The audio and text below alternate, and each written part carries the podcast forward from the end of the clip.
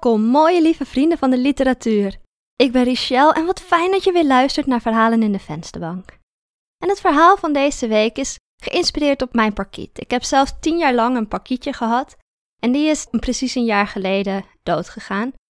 En die emoties en die herinneringen zijn allemaal erg saillant en aanwezig op dit moment, dus daar heb ik me door laten inspireren voor dit verhaal. En het verhaal gaat over een meisje en die houdt haar dode parkiet in haar hand. En terwijl ze ja, de dood in haar handen houdt, voelt ze zich heel inadequaat en weet ze niet wat ze moet doen. En zo blijft ze eigenlijk bijna een dag lang gewoon zitten. Ik wens jullie heel veel plezier met het verhaal Toegift. Als je het mooi vindt of ontroerend of het raakt je of je bent zelf een keer een huisdier verloren, dan ben je van harte welkom om uh, langs te komen in de comments op YouTube of op de website www.verhalenindevensterbank.nl of op Instagram, @verhalenindevensterbank. En voel je vrij om iets te delen en iets te vertellen, want we horen graag ook jouw verhaal. U gaat luisteren naar het verhaal Toegift, geschreven en voorgelezen door Richelle en Edens. Ik voel me misselijk. Ik weet niet of het echte misselijkheid is. Het is in ieder geval onaangenaam. Tegen pijn aan. Alsof ik zo voortdurend zenuwachtig ben dat ik spierpijn heb gekregen in mijn emotiespier? Is je emotiespier je hart of voelt een hart alleen liefde? Er staat een kopje op tafel, zo'n glas. Zo'n kristallen glas met heel veel facetjes. Er zit nog een laagje whisky in. Ik weet dat het whisky is, maar een nietsvermoedende voorbijganger zou kunnen denken dat het thee is. Het is tenslotte ochtend. Zo voelt het niet. Het voelt niet als de ochtend van een nieuwe dag. Misschien omdat ik niet heb geslapen. Het voelt als een voortzetting van de vorige dag, een toegift van gisteren. Behalve dan dat gisteren niet leuk genoeg was om er een encore van te willen. En als we daadwerkelijk in het theater zaten, zou ik al lang de zaal zijn uitgelopen. Ik reik naar het glas met whisky en nip ervan, alsof het thee is. Nog steeds om de nietsvermoedende voorbijgangers om de tuin te leiden. Ik woon op vier hoog, dus wandelverkeer krijg ik niet langs mijn raam. Ik probeer vooral mezelf om de tuin te leiden, via de imaginaire ogen van een anonieme vreemdeling. Mijn hart doet nog steeds pijn en het lijkje van mijn vogel ligt in mijn handen. Iedereen voelt zich inadequaat als ze met de dood geconfronteerd wordt. Iedereen voelt zich ontoereikend en machteloos. En toch voelt het op een puberale manier alsof mijn inadequaatheid en mijn machteloosheid dieper reikt en intenser is dan die van alle andere mensen. Alsof ik de eerste ben die ooit met de dood in aanraking ben gekomen. Alsof ik de uitvinder ben van de dood. De eerste zelfbewuste van mijn soort, die door de dood uit te vinden nu voor de rest van de eeuwigheid een extra niveau van lijden heb toegevoegd aan mijn soort. Ik zou pauze willen. Ik zou zo graag een dagje pauze hebben van mezelf zijn. Gewoon even iemand anders zijn. Ik hoef niet eens een beroemd of rijk of gelukkig persoon te zijn. Voor mijn part ben ik mijn buren, of mijn cashier in de supermarkt, of mijn tandarts, ook al vind ik normaal gesproken de tanden van andere mensen eng. Ik wil gewoon even weg. Het is niet eens de eerste keer dat er iemand doodgaat. Twee opa's, een oma, de limonademoeder bij de tennisvereniging, drie tantes, twee ooms en de vader van Holmer in groep 7. Ik ben regelmatig op begrafenissen geweest. Ik aai mijn dode parkiet zachtjes over zijn veertjes. Als hij nog leefde, zou hij dit niet toestaan. Hij hield er niet van om geaaid te worden. Maar nu is hij dood. Nu kan hij niet meer tegenstribbelen. Affectie geven doe je vooral voor jezelf. Ik voel me niet getroost. Ik blaas in mijn whisky alsof het thee is en kijk scheel om de kleine circulaire golfjes te bekijken. Ik heb mezelf bijna in de maling genomen. Ik ben niet dronken. Ik drink niet om dronken te worden. Ik drink om troost te vinden. En misschien vooral om dat misselijke, spierpijnige gevoel in mijn borst weg te jagen. Ik weet nog niet hoe lang ik hier blijf zitten. Ik weet wel hoe lang ik hier al heb gezeten. Al zo'n drie uur. Tenminste, drie uur geleden ben ik voor het laatst naar de wc geweest.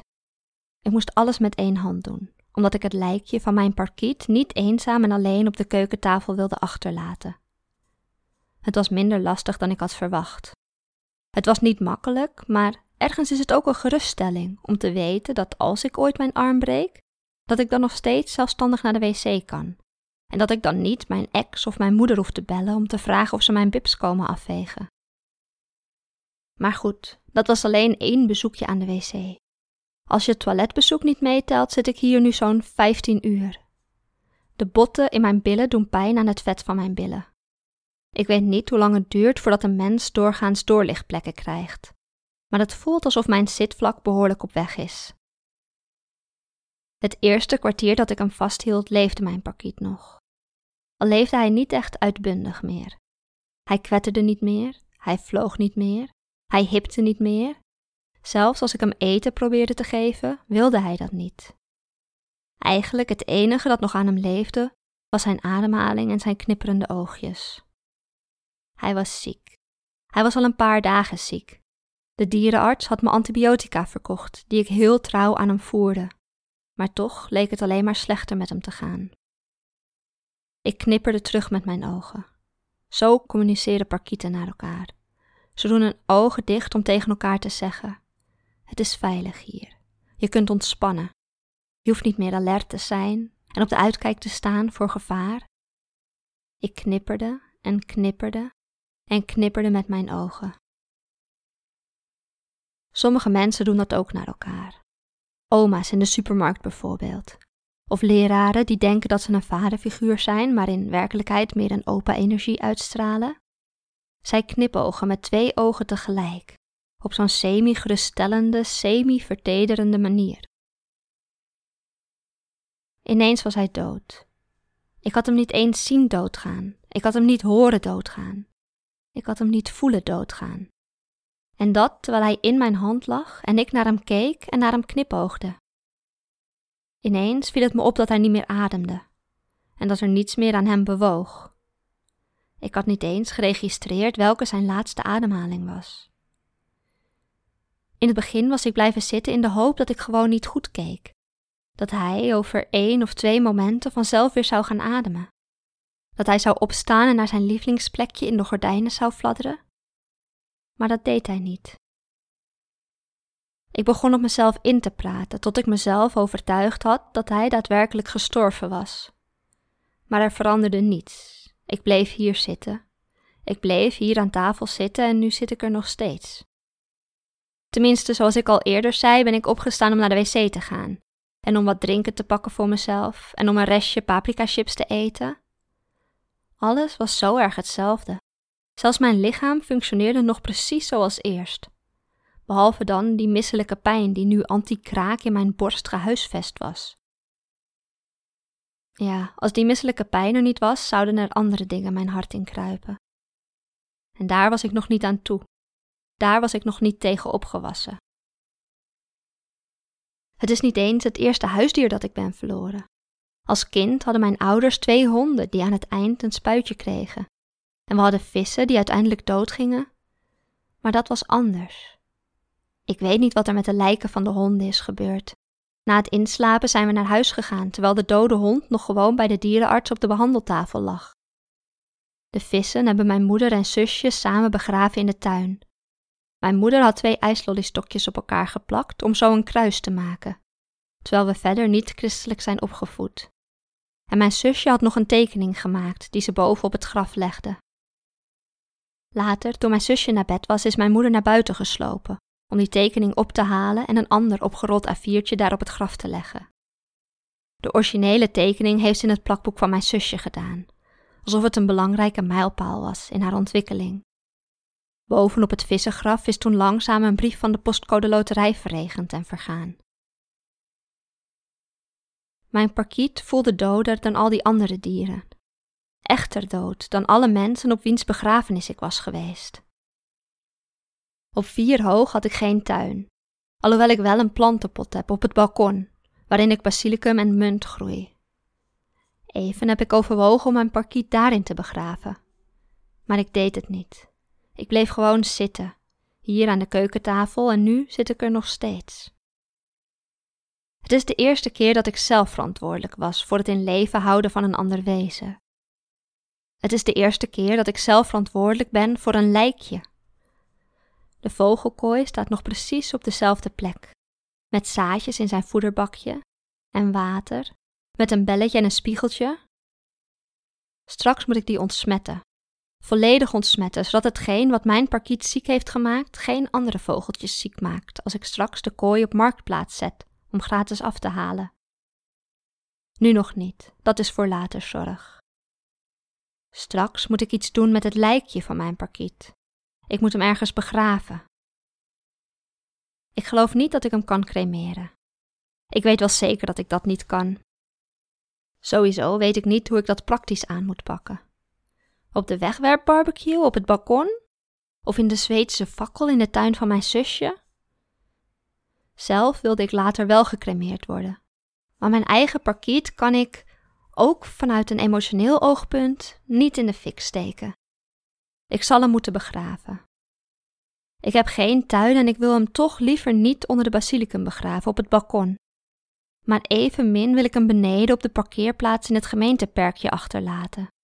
Naast al die kille auto's en die uitlaatgassen Buurtkinderen zouden achteloos caprisonnepakjes en snoeppapiertjes naast zijn graf gooien. Een hond zou op zijn graf poepen, een kat zou hem opgraven. Misschien moet ik mijn moeder bellen, of ik hem daar in de tuin mag begraven. Maar ik wil niet dat ze ziet hoe verdrietig ik ben, hoeveel verdrietiger en aangedaan ik ben door het sterven van een parkiet dan dat ik was toen haar vader doodging. Bovendien ben ik bang dat als ik zijn graf wil versieren met wat speelgoed en een afscheidsbriefje, dat ze s'nachts dat briefje en dat spiegeltje weghaalt om in mijn plakboek te stoppen. Het is misschien het beste om naar een natuurgebied te rijden. De duinen bijvoorbeeld. Maar nu ben ik te moe van een hele nacht niet slapen. Misschien ben ik toch iets meer aangeschoten dan dat ik net beweerde. Het zou onverantwoordelijk zijn om nu in de auto te stappen Ik hoef geen beslissing te nemen, niet nu. Ik moet eerst slapen. Met het parkietenlijkje nog steeds in mijn hand ga ik in bed liggen. Ik trek de dekens over ons beiden en leg het vogeltje dicht tegen mij aan. Nestel hem in mijn nek waar hij vroeger ook vaak zat. Wel te rusten, fluister ik en ik geef hem een kusje op zijn kopje. U heeft geluisterd naar het verhaal Toegift. Geschreven en voorgelezen door Richelle en Edens. Hartstikke bedankt voor het luisteren naar dit verhaal. Ik hoop dat je het mooi vond. Ik hoop dat het je geraakt heeft en ik hoop dat je niet met een al te zwaar en verdrietig gemoed nu de rest van de dag ingaat. Zoals ik al zei, als je zelf iets wilt delen, voel je vrij om langs te komen op de website of op Instagram. Allemaal bij de naam uh, Verhalen in de Vensterbank natuurlijk.